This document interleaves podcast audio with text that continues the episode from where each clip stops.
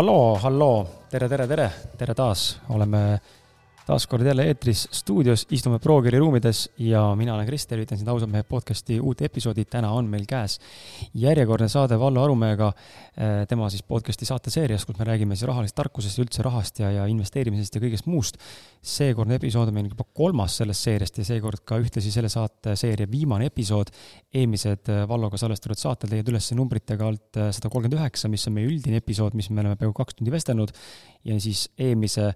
tähendab selle siis selle episoodi või podcast'i episoodi eelmised versioonid või eelmised episoodid, kõik saavad sassis. selle podcast'i seeria eelmised episoodid on numbrid sada üheksakümmend kaks ja sada üheksakümmend neli kõikide eelduste kohaselt. nii et mine kuula järgi, kui sa veel kuulanud ei ole, sest et siis on see loogiline äh, kuulgus on olemas, mingisugune autosignaal jooksis uuesti sisse, ma ei tea, kust see tuleb, ma arvan, siin kõrval on meil see pesul, et siin vist mehed annavad signaali vahepeal, nii et sorry. Ähm, aga jaa, ja esimeses saates siis äh, me rääkisime Valloga ellujäämisest ehk mõtteviisist, sõnavarast, unistustest ja, ja finantseesmärkidest ees saates rääkisime turvalisusest ja heaolust ehk rahavarude loomisest, investeerimisega alustamisest ja kolmandas ehk tänases episoodis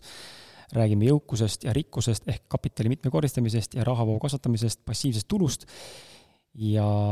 vabaduse saavutamisest, rahade säili-, varade säilitamisest ja loomulikult ka siis rahade säilitamisest ja nii edasi. ning ühtlasi, enne kui saate juurde lähme, siis äh, tuletan sulle meelde, et täna on meil märtsikuu veel käes, kui seda kuulad, võib-olla kuulad aprillis, ma ei tea, aga igal juhul meil on tulemas Valloga webinari sari,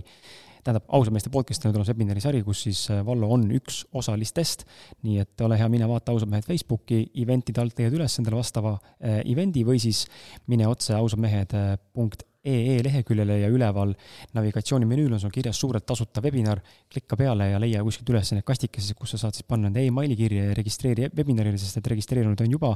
täna, eh, kolmanda märtsi seisuga ligikaudu eh, kolmsada inimest, nii et anna ka tuld. Eh, tuleb põnev vestlus ja webinari räägime siis samuti jõukusest, vabadusest ja vastutusest, mõtteviisi muutmisest, kapitali kasvatamisest, varade loomisest ja ettevõtlikkusest nii, reklaamid tehtud. Äh, Vallo, tulistame edasi, meil on niisugune circa nelikümmend minti pikkuseks äh, see saatel olemas. Äh, räägime siis nüüd sellest, et kuidas hakata oma kapitali siis mitmekordistama, et kui meil on nüüd olemas rahavood, millest me rääkisime eelmises saates, me oleme mingi kapitali kogunud, sa tõid välja kümne tuhande numbri num-, kümne tuhande eurose numbri nagu näite, eks ole, see ei olnud ka ultimaatum ega mingisugune kindel fiksarv, lihtsalt tõid see näite. oletame, meil on kümme tonni, nüüd kuidas hakata enda kapitali mitmekordistama? Jah, no nüüd on see, et kui me räägime sellest järgmisest tasemest, et see võiks olla, see siht võiks olla sada tuhat, eks ju, mul on vaja põhimõtteliselt kapitali kümnekorristada, eks ju, nüüd on, nüüd on hästi oluline see, et jälle me tuleme sõnavarjude tagasi, eks ju, et kõigepealt on see, et äh, sul on nagu kahte tüüpi tehingud, sul on nagu kapitali kasvutehingud, sul on nagu rahavootehingud. ja, ja kui ma saan aru seda, et mul sellel hetkel on eesmärk nagu kapitali eelkõige kasvatada selleks, et rahavoogu tekitada mingil hetkel, siis ma peangi sihtima võib-olla just neid äh, tehinguid, kus ma saan siis midagi nii-öelda odavalt osta ja kallimalt maha müüa nüüd jällegi see, et see, peaks vaatama siis neid varaklasse, eks ju, mis varaklasse täna tegutsed, loomulikult need kapitali kasvu võimalused igas varaklassis on veidike erinevad, aga aga noh, ütleme üldine põhimõte võib olla see, et kui me räägime kogu sellest teekonnast, alates ellujäämisest kuni rahalise vabaduseni, siis äh, esimeses otsas, ütleme, see fookus läheb kogumise peale. siis nüüd selles teises otsas, mida me praegu räägime, läheb fookus investeerimise peale.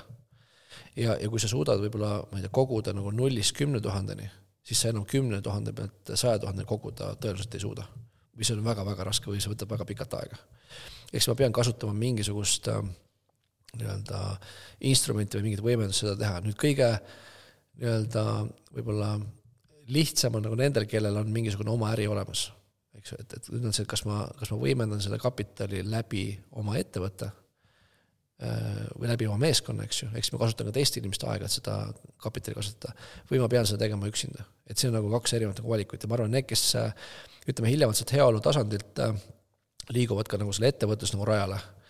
siis nendel võib-olla läheb ka see, see teekond nagu veidike kiiremini, kuna läbi ettevõtte on sul nagu rohkem võimalusi kapitali kasvatamiseks.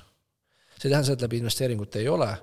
aga kui sa ikkagi nagu suudad oma ettevõtte kasumlikult käima panna, ja sa suudad sealt ka mingisugust siis raha eraldada selleks, et oma investeeringute jaoks panna, siis see tõenäoliselt võib olla nagu kiirem viis. nüüd ma saan aru ka sellest, et et võib-olla väga väike osa inimestest äh, läheb nagu ettevõtluse teed ja, ja väga paljud pigem lähevad investeerimise teed. et siis on juba küsimus, et okei okay,, mis see varaklass on.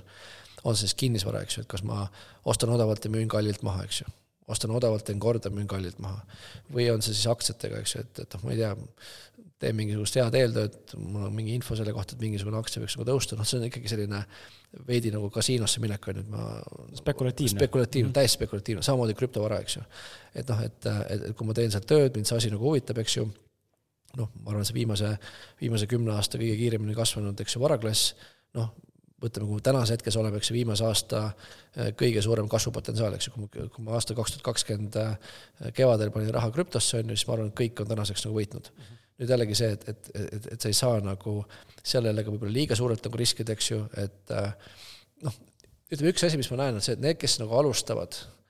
äh, kellel on vaja kõige rohkem kapitali kasvatada, võib-olla võtavadki nagu natuke suuremaid riske, kui nad peaksid võtma. aga neil ongi see, et neil on vaja nagu siis äh, kapital nagu üles kasvatada.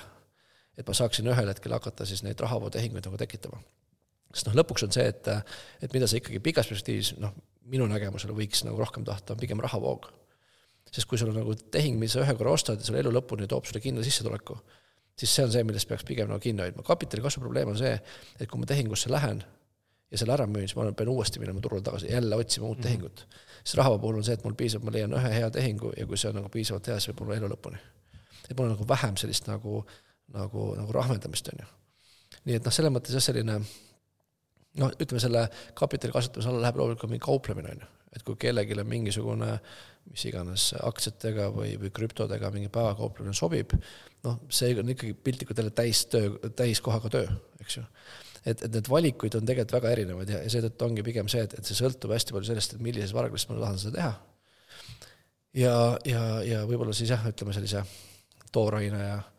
ja võib-olla intellektuaalse varaga on seda võib-olla natuke keerulisem teha, aga pigem siis ma ütlekski, et kinnisvara äh, pabervarad ja krüpto on siis need kolm võib-olla kohta, kus seda kapitali kasutada juhul, kui see tee ei ole ettevõtlus mm. -hmm. sest ma jätkuvalt ise usun seda, et läbi nagu äri äh, kasvatamine võib olla kokkuvõttes kõige efektiivsem, aga sa võid vabalt teha ka nagu teisi asju sealt kõrvalt, et mhm. tegeleda ettevõtlusega ja investeerimisega. siin äh, hea, hea õppetund mul endal oli siin krüptoturul investeerides ja ma, kuna ma õpin ka kauplemist, see igapäevane kauplemine või siis nagu nii-öelda swing trader, et ma teen täna tehingu võib-olla ja nädala või kuu pärast võtan välja või siis vastupidi, on ju aga samal ajal ma olen ka see, kes siis hoiab, ostan ja investeerin ja hoian pikaajaliselt, siis mul oli kogemus siin et eelmise aasta lõpus siis ostsin äh, viie tuhande eest, eks ole, on ju, või natuke vähem siis see kasvas kuskil sada kakskümmend protsenti, ma võtsin selle välja. aga mis ma õppisin, oli see, et ma intuitiivselt alguses võtsin viiskümmend protsenti välja, jätsin viiskümmend protsenti turule, et kui kukub, vaata see on nagu win-win, et mul on midagi välja võetud, profit on ju suurem, kui ma sisse panin juba ja samal ajal mul on midagi veel turul, on ju. et ma ei ole täiesti väljas. aga ikkagi hirmle sisse võtsin kõik välja. ja täna ma tunnen, et ma tegelikult nagu tunnen, noh, ma tean, et ma olen spekulatiivne ja arvan, et hinnad kukuvad täna, väga palju korrelatsioon tuleb.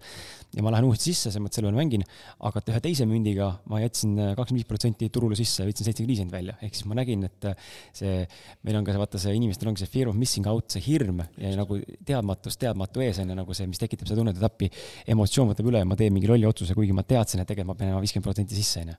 no vot ongi see, ega me seda tulevikku ju täpselt nagu ei prognoosi, prognoosida kunagi ei saa ja mida me saame teha, on see, et lihtsalt olla kursis, lugeda erinevaid allikaid ja teha siis selle põhjal enda jaoks mingid äh,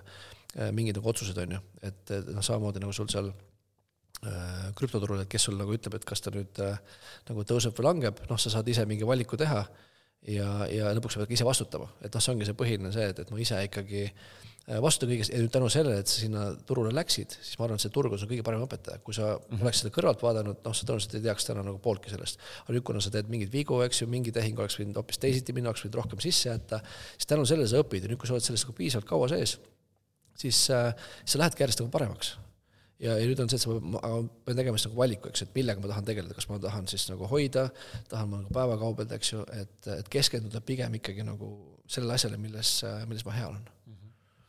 tuleme selle passiivse tulu juurde ja, ja üldse selle passiivse rahavoosi juurde, et see on niisugune hästi kohati müüt ja mingil määral nagu selles mõttes segadust tekitav ja jälle siin on nüüd, ilmselt on oluline siin ka see rahaline või tähendab, intelligentne ja taha, rahatarkuslik nagu termin ja definitsioon taga, on ju, mis see passiivne tulu tegelikult oma olemuselt tähendab, et see ei ole see, ma istun käed rüppes ja raha tiksub, ikkagi mingi aktiivne tegevus tegelikult sellel see on lihtsalt erinevas koguses. ja minu küsimus ongi, et kas on võimalik saavutada ka selline passiivne rahavoog, kus sa ei tee mitte midagi ja ta tiksubki su kogu aeg juurde või ikkagi on vaja noh, ikkagi midagi on vaja kogu aeg teha mingi asja jaoks või pigem on olemas sellised passiivsed vood, mis lihtsalt, lihtsalt kogu aeg jooksevad, toodavad peale? no see sõltub jah, mida sa tegemise all nagu mõelda, et ma arvan, et päris nagu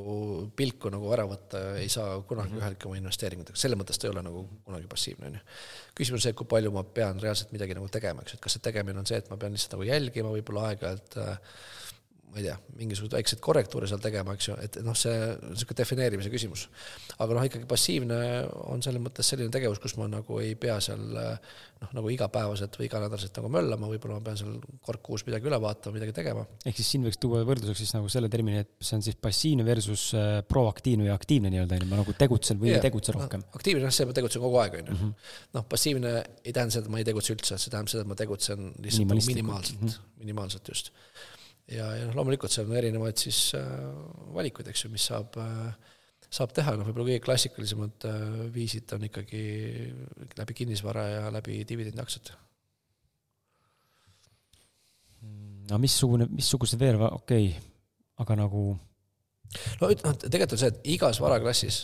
on, ütleme nii, et noh, peaaegu igas varaklassis, ütleme, võib-olla toorained ja maavarad on kõige nagu raskem mm, -hmm. et noh, kuldhõbe on nagu hästi selline äh, sirgjooneline asi, et ma, ma ostan, ma hoian, see on pigem nagu väärtuse hoidja ja, ja ma, ma sealt on nagu rahavoogu väga raske tekitada, ma, noh, ma pean siis, ma saan rahavoogu tekitada, aga siis ta muutub pigem pabervaraks, sest ma pean kasutama siis sellest, ma ei tea, kullast või hõbedast mingi paberversiooni ja siis ikkagi läbi selle nii-öelda pabervara teda hoidma ja sealt ma saan siis ka seda kapitali võib-olla kasvu tekitada. aga, aga ülejäänud varaklassidega on võimalik tegelikult seda rahavoogu kenasti tekitada, eks ju, et noh, intellektuaalne omand on niisugune huvitav asi, et noh, sinna võib-olla nagu raske niimoodi teadlikult sisse minna, sest see on pigem nagu selline seotud ka ütleme mingi loominguga, eks ju, et noh, mul on mingi anne, oskus äh, või, või ma ei tea, ma loon mingisuguse kaubamärgi või patendi või mingisuguse tehnilise nagu tööstuslahenduse, eks ju, mis lõpuks on väärtuslik ja ma saan selle pealt oma mingisugust, äh, ma ei tea,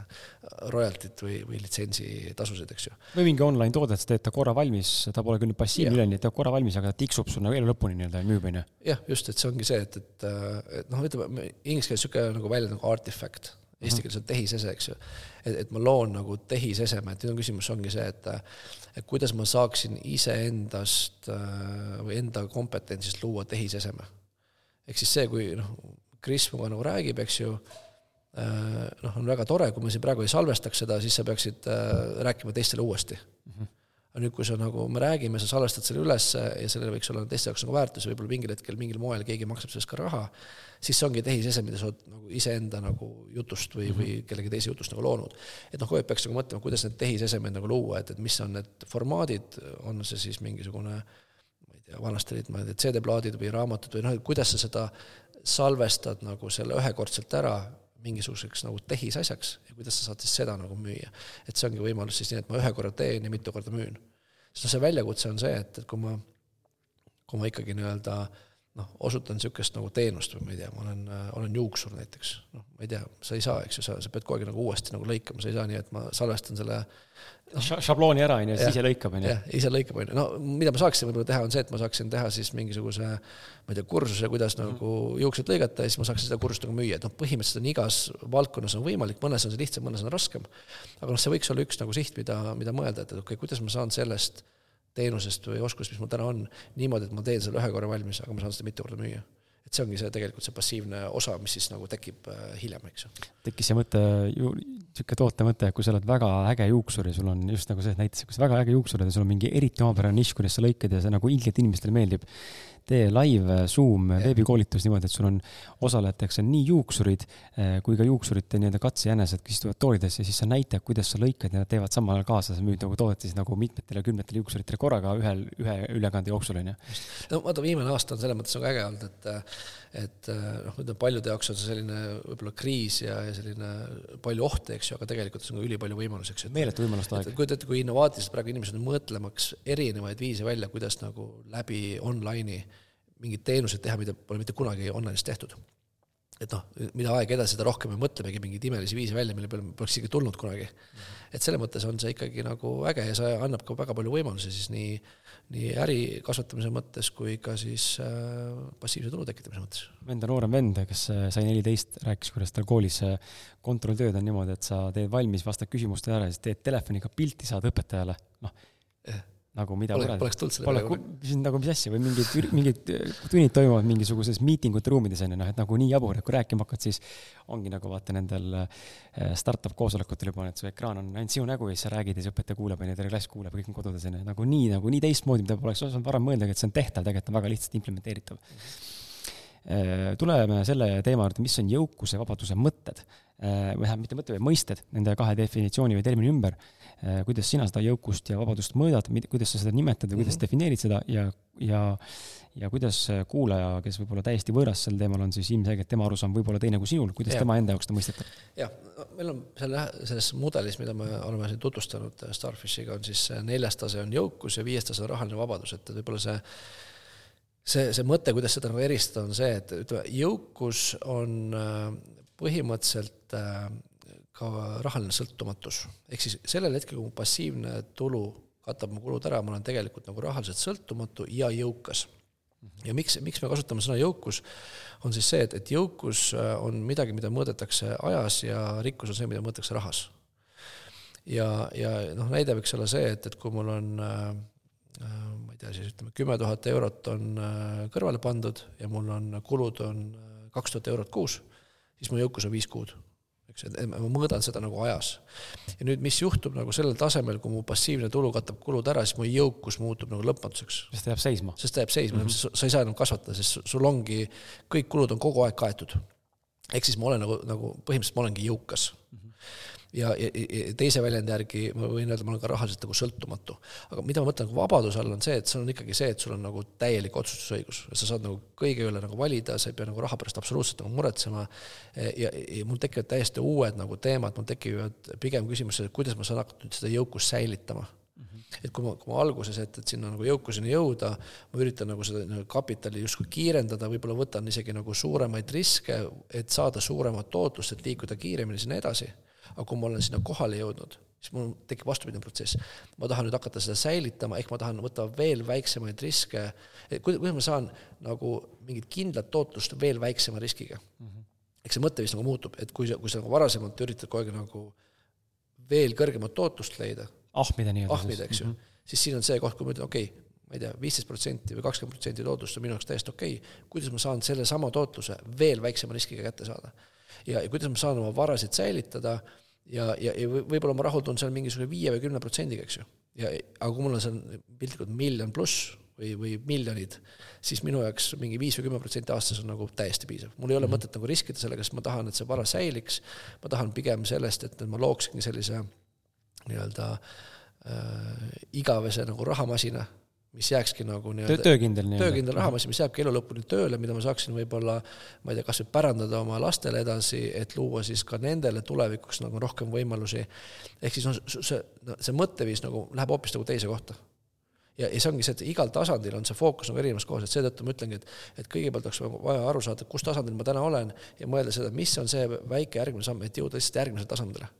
et, et see, see rahaline vabadus on nagu paljude inimeste jaoks nagu selline liiga kauge nagu asi, seda, sellest nagu tore nagu rääkida, aga me tihtipeale ei anna aru, et millist nagu tööd, enesearengut ja kasvu ja pingutust see nõuab, et lõpuks sinna nagu jõuda. ja lõpuks sinna jõuavadki väga väike hulk inimesi, ma pakun mingisugune, ma ei tea, võib-olla kolm kuni viis protsenti võib-olla jõuavad lõpuks sinna kohale aga need on inimesed, kes on väga selgelt nagu otsustanud, tahavad sinna jõuda, nad teevad selle nimel aastaid nagu tööd ja see võibki ollagi nagu ma ei tea, kümneaastane protsess, kui mul lõpuks ongi see, et mul on, ma ei tea, miljon pluss äh, kapitali, mis on siis investeeringutes, mis toob mulle iga aasta kindlat tootlust ja ma ei pea üldse millegagi muretsema ja ma saangi pigem hakata ühiskonnale tagasi andma. see on vaata see koht, kus tuleb see, et, et et kas rikkad on head või halvad, eks ju, noh, pigem ongi see, kui sul seda raha hakkab üle jääma, sa pigem hakkad nagu teisi aitama, sa pigem hakkad ühiskonda nagu tagasi panustama, sa tahad siis, äh, ma ei tea, oma riigile tagasi anda või oma kogukonnale tagasi anda. et, et, et tegelikult äh, noh, see mõtteviis nagu totaalselt muutub, aga igal tasemel on võib-olla need sihid on nagu hästi erinevad, eks. loomulikult on alati ka teisi, on ju, teistsuguseid, kes, kes ongi niisugused koid ja, ja istuvadki oma raha mätta otsas ja midagi tegelikult ei tee. ma, ma, ma ütleks niimoodi, et, et äh, et raha selles mõttes nagu ei muuda, et, et sa oled see, kes sa oled mm. -hmm. raha lihtsalt võimendab seda, kes sa oled, eks ju, kui sa oled nagu äge inimene, aus, autentne, tahad teisi aidata, siis see raha võimendab seda positiivset mm -hmm. külge. kui sa oled selline suli, tahad nagu kõrvale panna, mingisugust nagu trikke teha, siis see raha teeb ainult hullemaks mm. -hmm. ehk siis noh, see ongi see, see toob lihtsalt su iseloomu nagu palju tugevamalt nagu välja ja, ja, ja ma pigem näengi seda, et, et et need, kes on positiivsed ja, ja heatahtlikud inimesed, on need, kes annavad rohkem tagasi. Mulle endale kõige rohkem meeldis, ma olen ka hakanud nagu noh, jälle paremini mõistma seda järjepidevust ja kannatlikkuse kontseptsiooni, et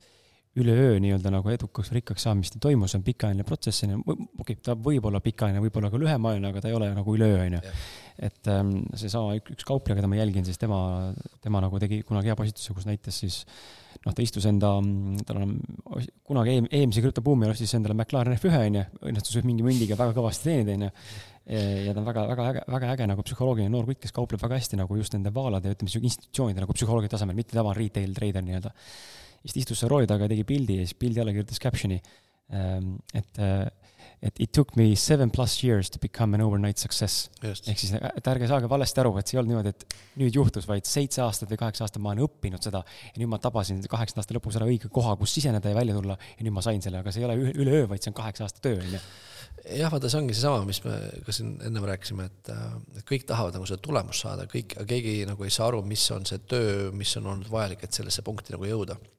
et sul ei ole nagu seda shortcut'i. et kõik, ütleme, meil kõigil on lõpuks needsamad väljakutsed, me peame kõigepealt iseendaga nagu elus hakkama saama, peame suutma iseennast üldse juhtida, eks ju, saama mingi mineviku äh, nii-öelda kinnihoidvatest asjadest nagu lahti, me peame õppima mingeid uusi asju, olema avatud meelega, katsetama erinevaid asju, tegema erinevaid vigu, saama nagu neid tagasilööke, aga sellest sõltumata nagu edasi liikuma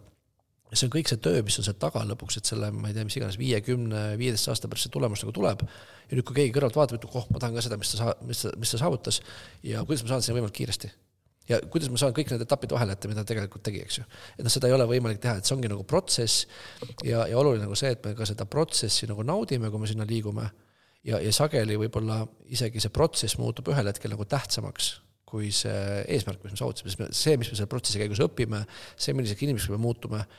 on kokkuvõttes nagu võib-olla isegi väärtuslikum see, et me saavutasime mingisuguse finantseesmärgi. mul sellesama Markoga, kui vestlesime, siis äh,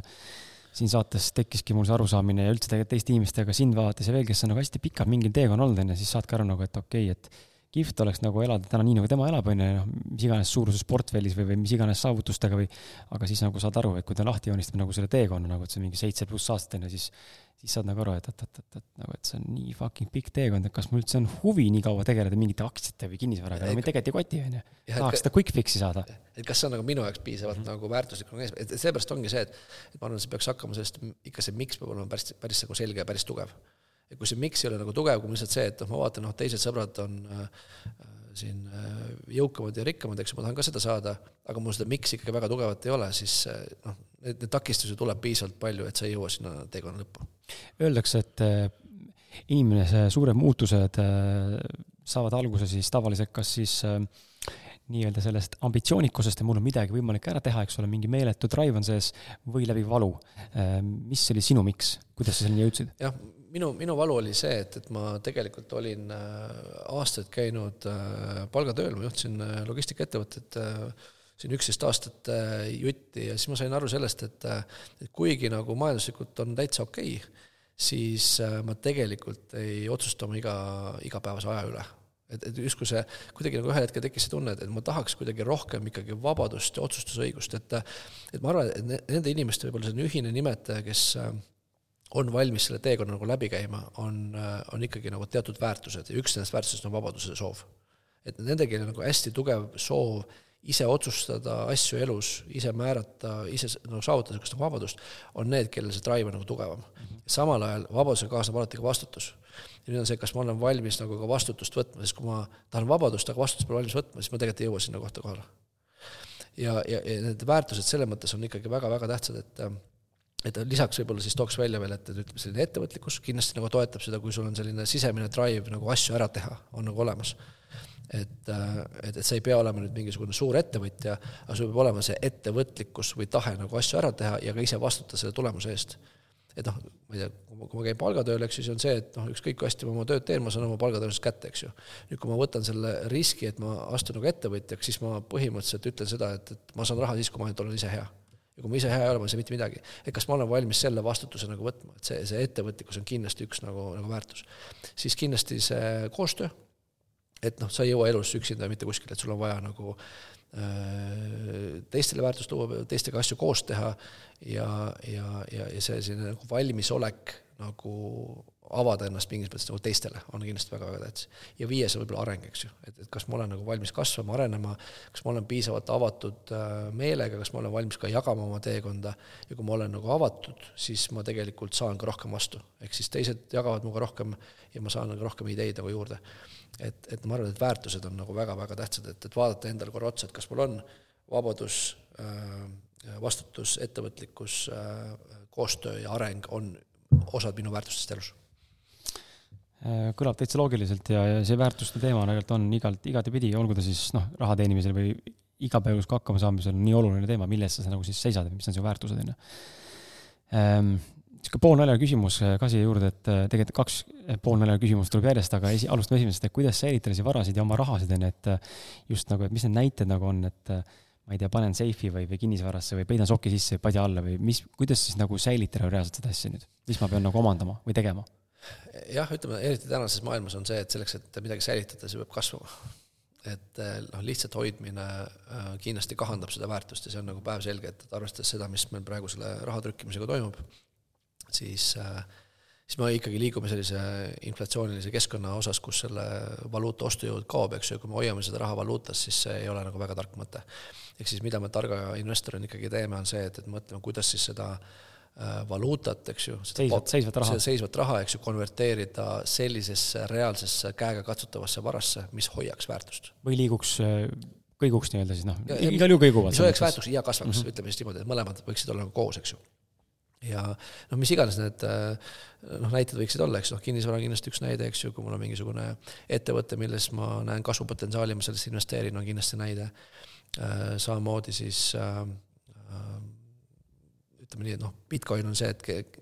erinevaid arvamusi, eks ju, aga paljud jaoks ka Bitcoin on või võib-olla tuleviku mõttes on selline digitaalne kuld nii-öelda. digitaalne kuld, eks ju, et, et sellest nagu palju räägitakse. noh, ma ei tea, kas ta täna on või ei ole, aga ütleme, ta liigub selles suunas, et ta võiks võib-olla olla, eks ju. Et noh, neid valikuid on nagu erinevaid, kus ma saan seda hoida, aga ütleme, kõige hullem on see, kui ma hoian seda lihtsalt nagu äh, valuutas, sahtlis, sukas ääres äh,, pangakontol lihtsalt nagu seismas, siis on nagu täiesti kindlasti see ostujõud nagu kukub. ja, ja see ongi nagu see nagu finantstarkus, eks ju, kuidas siis seda, seda vara nagu säilitada ja selleks, et see vara nagu säiliks nii-öelda, ma peangi võib-olla saama mingisugune kümme-viisteist protsenti tootlust aastas.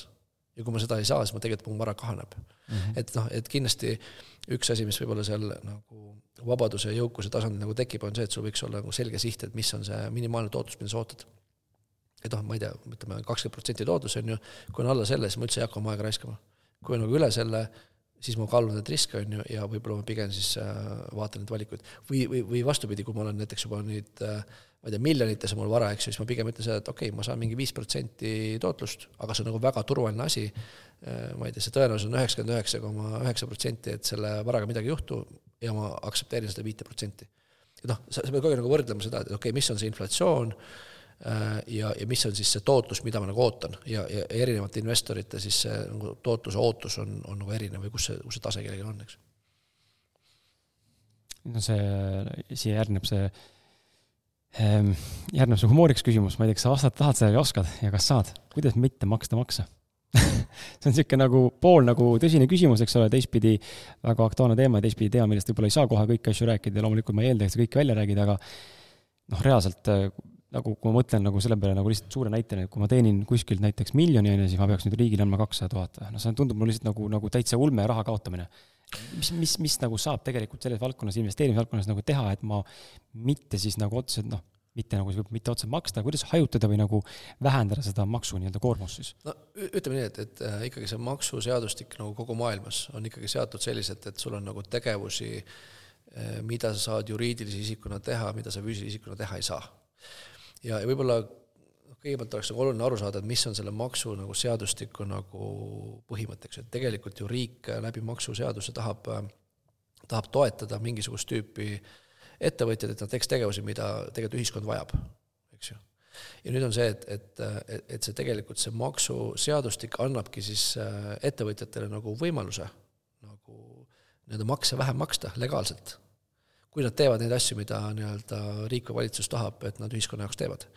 ja, ja mulle alati meeldis see näide, et kui võtta see maksuseadustik, et kui USA-s koolitusel käisime, siis räägiti sellest äh, nii Ameerika kui Inglismaa selles maksuseaduses, see on mingisugune kümme tuhat lehekülge pikk. ja, ja seal oli vist selline näide, et, et sellest kümnest tuhandest leheküljest üheksa tuhat üheksasada maksuseadustikus räägib sellest, kuidas makse mitte maksta või kuidas maksta makse vähem. ehk siis maksuseadus on põhimõtteliselt maksusoodustuste kogum. Nüüd need, kes maksavad nii-öelda täie rauaga, ongi need inimesed, kes ei saa maksuseadusest aru või nad ei ole seda maksuseadust osanud enda kasuks tööle panna. Ja, ja sa ei saagi nagu no ütleme nii, et laias laastus ühiskonnas on kahte tüüpi inimesi, on olemas tootjad, on olemas tarbijad. Nüüd, kui ma loon midagi või toodan, siis ma saan neid maksusoodustusi kasutada, kui ma lihtsalt tarbin ühiskonna poolt pakutud väärtusi, siis ma lihtsalt maksangi neid makse. et ma pean nagu valima kõigepealt selle rolli, kas ma olen valmis olema see tootja, ehk siis ma olen valmis olema äh, ettevõtja ja, ja, ja ettevõtja jaoks ongi nagu hoopis teine maksukeskkond kui eraisiku jaoks. nii et ütleme nii, et, et ega kui sa ütled, kuidas maksta, ütleme, kuidas makse vähem maksta, siis kindlasti üks variant on see, et tegutseda läbi juriidilise isiku, tegutseda loomulikult kõikide seaduste ja reeglite nagu piirides aga see annab sulle väga palju nagu lisavõimalusi, mida sa eraisikuna kunagi ei saa, nii et ma arvan, et sellise juriidilise keha omamine on, on kindlasti eeldus üldse selleks, et, et jõuda, kui me räägime jõukuseni, rahalise vabaduseni, eks kui me räägime sellest heaolu tasandist nagu edasiliikumiseks jõukuseni, siis ma arvan, et see on see koht, kus minimaalselt peaks olema juriidiline keha olemas. Kui sul seda ei ole, siis väga palju võimalusi jääb kasutamata või sa mag-, maksad lihtsalt nagu ebamääraselt kõrgelt äh, oma neid kulusid äh, maksude peale, mida sa tegelikult võiksid vähendada, kui sa tegutseksid ettevõtjana kas siis see tähendab siis seda, et põhimõtteliselt investeerida nii kinnisvarasse, aktsiasse, krüptosse või kuhu iganes, tegelikult oleks mõistlik investeerida firma alt? alati mm, -hmm. alati, selles mõttes, et äh, noh, võtame sama näite, kui sa ostad, ma ei tea, mis iganes, ostad äh, krüptovara või aktsiaid või mis iganes ja teed seda eraisikuna, no sa pead ju maksma põhimõtteliselt tulumaksu kakskümmend protsenti. Nüüd kui ma, kui me mõtleme ka eriti täna Eesti keskkonda, meil on nagu suurepärane maksukeskkond, et kui keegi nagu kurdab, et maksud on liiga kõrged, siis äh, noh, see ei ole nagu adekvaatne, sellepärast et meil on nagu ideaalne nagu maksukeskkond, kus me saame nii-öelda äh, saada ettevõttest tulu ja, ja mitte maksa ja, ja maksta null protsenti makse, kui me seda raha välja ei võta. Ja nüüd on see, et kui sul ongi see ettevõte, mis ongi mõeldud näiteks investeerimiseks, ja sa sealtkaudu siis nagu paigutadki raha ja saadki nagu tulu, siis sa tegelikult ei maksa tulumaksu, sa oled juba kakskümmend protsenti võitnud. kui palju sul on vaja rohkem investeerida, et saada kakskümmend protsenti rohkem tootlust? see, see, see mäng on nagu kategooriliselt nagu teine, eks ju.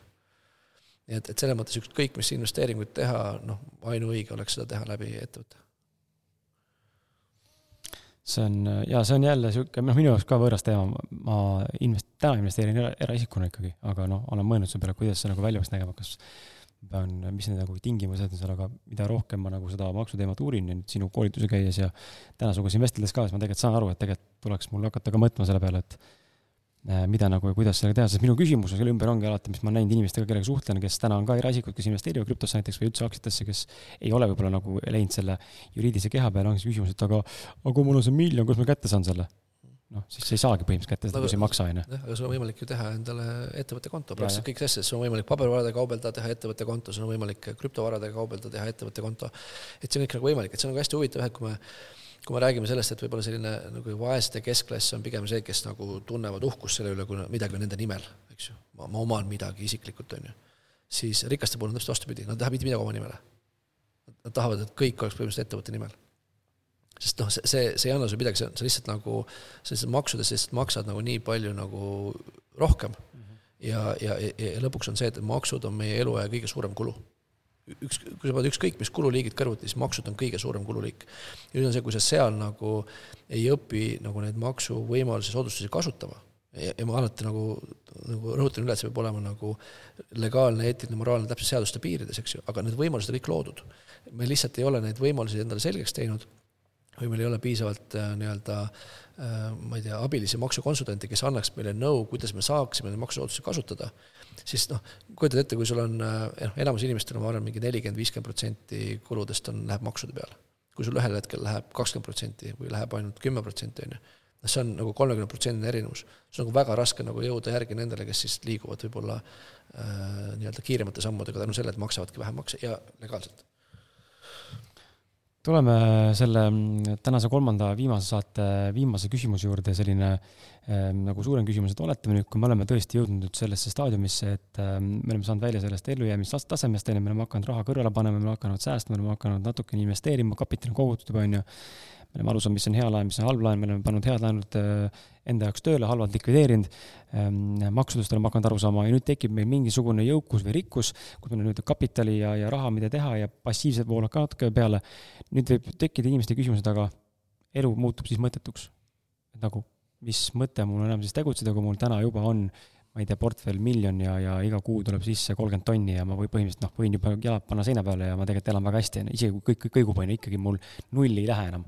et äh, kui selle piiri oled saavutanud, siis mis edasi äh, nagu psühholoogilisest aspektist ja ka äh, lihtsalt puhtalt nagu praktilises võtmes ja kas see vastab tõele, et selliste finantseesmärkide või üldse mingite eesmärkide seadmine läheb selles mõttes keerulisemaks? või vastupidi, läheb lihtsamaks, sest sul on nüüd võimalus, valikuvabadus teha mida iganes sa tahad jah, ma ütleks niimoodi, et, et põhimõtteliselt ikkagi ütleme seda, et me nüüd nagu mitte midagi ei tee, no seda ei juhtu nagu kunagi, eks ju. et, et noh, ma ei tea, see on nagu võib-olla kellegi nagu lohutuseks või kellegi nagu rõõmustuseks on see, et, et rahamured ei kao kunagi ära. rahamured lihtsalt lähevad suuremaks. kui sa pead nagu muretsema, kuidas oma ma ei tea, tuhandet eurot nagu säilitada ja kui sa pead mõtlema, kuidas oma mingit miljonit või kümmet miljonit säilitada, see on nagu veel suurem mure, on ju. ja, ja nüüd on ka see, et miks võib-olla see see raha investeerimine on mingil mõttel on hea, kui sa saad niisuguse nagu püsiva kindla sissetuleku, mis võib-olla jääbki aastateks alles, on see, et noh, sa panedki selle raha ära ja sa teadki, see jääbki tiksuma. sest noh, väljakutse on ka see, et kui ma näiteks äh, ostan midagi odavat, müün kallilt maha, eks ju, ma, ma ei tea, loon mingi ettevõtte, nüüd ma müün selle ära, ma saan selle eest, ma ei tea, mingisugune miljoni, mul on uus probleem, mis ma selle miljoniga teen, kuidas ma selle miljoni nüüd niimoodi investeerin, et selle väärtus nagu säiliks et see probleem kunagi ei kao mm -hmm. nagu ära, see lihtsalt, see iseloom natukene muutub, see fookus muutub, võib-olla see need, need, need varaklassid ja need tootlused, mida ma ootan, nagu muutuvad. aga need probleemid ei kao nagu kunagi ära. ja, ja, ja ma olen, olen ka rääkinud nagu mitme inimesega, kes on nii-öelda sellise finantsvabaduse nagu saavutanud ja mul oli üks, üks sõbrad Šotimaalt, kellega ma koos kunagi seal Roberti juures õppimist alustasin, kes tegelesid siis kinnisvaraga, kes siis samamoodi koos abikaasaga tulid töölt ära, hakkasid täiesti nullist pihta aastal kaks tuhat kaheksa ja, ja tänaseks on siis äh, Šotimaal ühed suurimad kinnisvarainvestorid, mingi kolmsada viiskümmend objekti, eks ju, noh, ostavad siin ehitusettevõtted kokku, et nagu väga-väga suurelt nagu tegutsevad, ja neil oli vahepeal oli etapp, kus nad siis äh, äh pärast rahalise vabaduse saavutamist äh, kolisid Hispaaniasse kui nad elavad Šotimaal, eks ju, ilm on umbes sama hea kui Eestis, et, et okei okay,, lähme nagu sooja, ostame sinna maja ja nad olid aasta aega Hispaanias, nad ütlesid, nad ei suutnud enam päevaga rohkem olla. Nad tulid Šotimaale tagasi, tegid oma äri edasi, sest sa, sa ei taha lihtsalt nagu istuda ja passida, et sa arvad seda, et see lahendus on see, et kui ma jõuan sinna nagu Vikerkaare lõppu, on ju, kus see laegas on, et siis ma lihtsalt nagu istun ja chill in ja lihtsalt puhkan ja võtan päikest, on ju. aga ühel hetkel sul hakkab igav, sul on vaja nagu, sul on vaja nagu ennast teostada. ja, ja, ja see oligi võib-olla üks selline noh, kogemus on see, et, et me kogu aeg nagu äh, ütleme, elu on nagu niisugune polaarsus nagu tegutsemise ja olemise vahel. ja mitte kumbki ei ole nagu, nagu nii-öelda tervislik lõpuni või noh? jah, lõpuni tervislik, ehk siis sa ei jõua kunagi lõpp-punkti, eks see elu on kogu aeg nagu selline liikumine, voolamine, eks ju, et kui ma olen nagu liiga palju tegemises, on ju, siis loomulikult ma tahan seda nagu olemist ja puhkamist. aga kui ma liiga palju olen puhkamises, siis tahan hakata uuesti tegutsema, saad aru, et see on kogu aeg nagu see liikumine. ja, ja nüüd ongi see, et, et lõpuks sa leiadki niisuguse nagu enda jaoks nagu tasakaalupunkti ja, ja see võib-olla siis lihtsalt noh, vahe ongi selles, et ma teengi võib-olla siis selliseid asju, mida ma naudin, mis mulle nagu väga meeldivad, millel on mingisugune äh, tähendus minu jaoks ja, ja ma saangi siis võib-olla mingit äh, teisi inimesi aidata, mingit väärtust luua, olla kuidagi kasulik väärtus ja ma saan nagu selle, selle, selle hea enesetunde just nagu selle pealt, aga mul on nagu hästi palju nagu rohkem valikuid ja ma arvan, mis nagu raha teebki, ongi see, et ta annab sulle lihtsalt nagu valikuvõimalusi. ja, ja, ja sa, sa ei jõua kunagi nagu selles mõttes nagu kohale, et nüüd ma lihtsalt nagu panen käed pea alla ja ei tee mitte midagi. Vallo, räägi, mis sa tahad siia lõppu inimestele öelda veel, enne kui äh, selle saate ka kinni tõmbame ja kogu selle kolme episoodi selle peaaegu, peaaegu vist äh, kahetunnisele vestlusele äh, piiri paneme, et mis on su mingid lõpusõnad või mingid mõtted? no ma ütleks seda, et, et ikkagi selline Äh, finantseesmärkide saavutamine on ikka kõikidele nagu jõukohane ja, ja kõige tähtsam on see, et me saaksime aru, kus me täna oleme. Äh, me ei heidutaks ennast nagu sellest mõttest, et see, see mäetipp on nagu liiga kaugel. et, äh, et noh, seesama näide, et kui ma hakkan nagu mäetippu nagu minema ja see on mingisugune ma ei tea, nelja tuhande meetri kõrgusele mäetipp, on ju, noh, see tundub täiesti ilmvõimatu ülesanne sinna jõuda. aga kui ma panen ühe jala, ühe jala teise ette, hakkan sammu kaupa minema, siis ühel hetkel ma jõuan esimesse baaslaagrisse ja ma olen seal kohal, eks ju, siis ma jõuan teise baaslaagrisse ja, ma lähen edasi ja lõpuks ma olengi seal nagu mäetipus kohal. aga kui ma mõtleksin esimest hetkest alates, et täitsa lõpp see mäetipp nii kaugel, ma elu sees sinna ei jõua, no siis ma jõuaks ka sinna esimesse baaslaagrisse. ehk siis on küsimus see, et ma saan aru, kus ma täna olen ja mis on see järgmine tase. Eks ju, kui ma olen täna ellujäämise tasemel, see on täiesti okei okay.. ma juba tean, kus ma vähemalt olen. enamus inimesi isegi oma aimu, nad ei taha isegi kuulda, kus nad on, eks ju. nüüd, kui ma olen ellujäämise tasandil ja ma tean seda, mul on vaja jõuda turvalisusse, see on täiesti okei okay.. nüüd ma tegutsengi võib-olla järgmine aasta, järgmised aastad selle nimel, et jõuda turvalisusse ja sealt edasi, kui ma tahan liikuda, okei okay,, mis ma pean nüüd tegema, et turvalisust heaolu jõuda. et ma lähen nagu step by step. ja, ja sul ongi nagu kolm võib-olla põhilist asja, et sul on kõigepealt see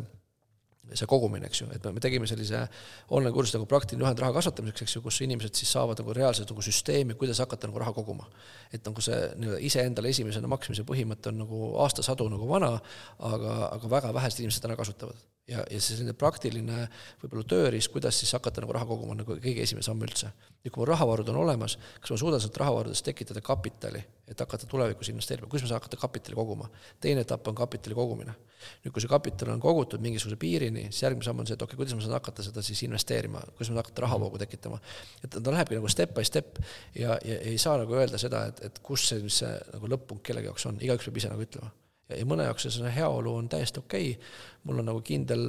kindel palk, mul on mingi aasta jagu rahavarusid, mul on võib-olla näpuotsaga mõni, ma ei tea, üks või kaks kinnisvaraobjekti, mis toovad üüritulu ja see ongi täiesti okei. Okay.. nii et igaüks peaks pigem siis äh, ikkagi otsustama ära, et, et mis on see äh, mis on see unistus, mis on see elustiil, mille nimel ma olen valmis pingutama. Ja juhul, kui ma nii-öelda tahan sinna jõuda, siis ma pean aru saama ka, et, et mul on vaja reaalselt tegutseda ja panna see plaan nagu paika ja, ja, ja sõltumata sellest, kus sa täna, täna ei ole, ütleme, kõigil on võimalik jõuda jõukuseni, kus on sul nii-öelda äh, varadest saadav sissetulek katab ära su kulud ja, ja, ja mis võib-olla üks selline nagu toetav mõte on võib-olla see veel, et, et, et sageli arvatakse, et selline jõukuse rikkus on selline, ma ei tea, mingid sajad tuhanded kuskil nagu pangaarvel mm, -hmm. eks ju siis tegelikult, sa mõtled seda, et kui sa tead täna oma kulude taset, kui see kulud on sul, ma ei tea, tuhat, tuhat viissada, kaks tuhat, on ju, ja, ja sul ainukene eesmärk on jõuda kahe tuhande eurose passiivse tuluni, siis, siis see, siis see ei ole üldse võib-olla üldse nii kaugel, kui sa arvasid et eh, jah, mul on vaja aega, mul on vaja nagu plaani, aga mul on võimalik jõuda noh, ütleme julgelt kümne aasta jooksul igaüks, kes tahab kümne aasta jooksul olukorda, kus see katab vähemalt mu kulud ära. ja nüüd, kui ma jõuan sellesse punkti, siis ma põhimõtteliselt ei pea elu lõpuni tõenäoliselt raha pärast enam muretsema, sest ma saan tagasi valikuvabaduse ja otsustuse, kuidas ma oma igapäeva kulutan. ja, ja see vabadus on nagu sageli noh, see ongi seda väärt mm, -hmm. mõne jaoks on, mõne jaoks ei ole. nii et, et ma ütlekski niimoodi, et, et see on kõigi jaoks võimalik, see on teekond, see võtab aega, sa pead ise teadma, kuhu maale sa tahad jõuda ja, ja mida meie saame täna Starfishiga teha, on see, et olla lihtsalt nagu selleks teejuhiks või selleks kaardiks, eks ju, kes võib-olla avab neid erinevaid tasemeid ja, ja saab siis toetada neid, kes tahavad nagu edasi liikuda. väga lahe, aitäh sulle, mõnus äh, kolmeepisoodiline vestlus, äh, soovituslik oli neid kuulata järjest, äh, aga kuna nad kõik järjest välja ei tulnud, siis nüüd on tagantjärgi hea seda teha uuesti, kui on soovi ja kuulata ka Vallo eelmist või tähendab esimest ausalt mehe podcast'i ülesastumist hashtag sada kolmkümmend üheksa numbri alt ja aitäh sulle, Vallo aitäh kutsumast, Kris! ja aitäh sulle, hea kuulaja, et vastu pidasid. või no kurat, ma pean ära muutma selle vastu pidasid. aitäh, et sa meiega olid, see on, et sa nautisid seda väärtust, see vastu pidasid on nii automaatselt sisse jäänud, sest et taas saated on pikad, vaata. see on täiesti vale, täiesti vale kontseptsioon ja lause ja mõte, mõte sul nii-öelda, aga jaa, aitäh sulle, et sa meiega olid. ja egas midagi, nagu ikka, too mulle üks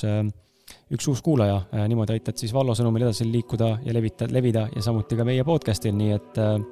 egas midagi, järgmiste saadeteni, tšau-tšau!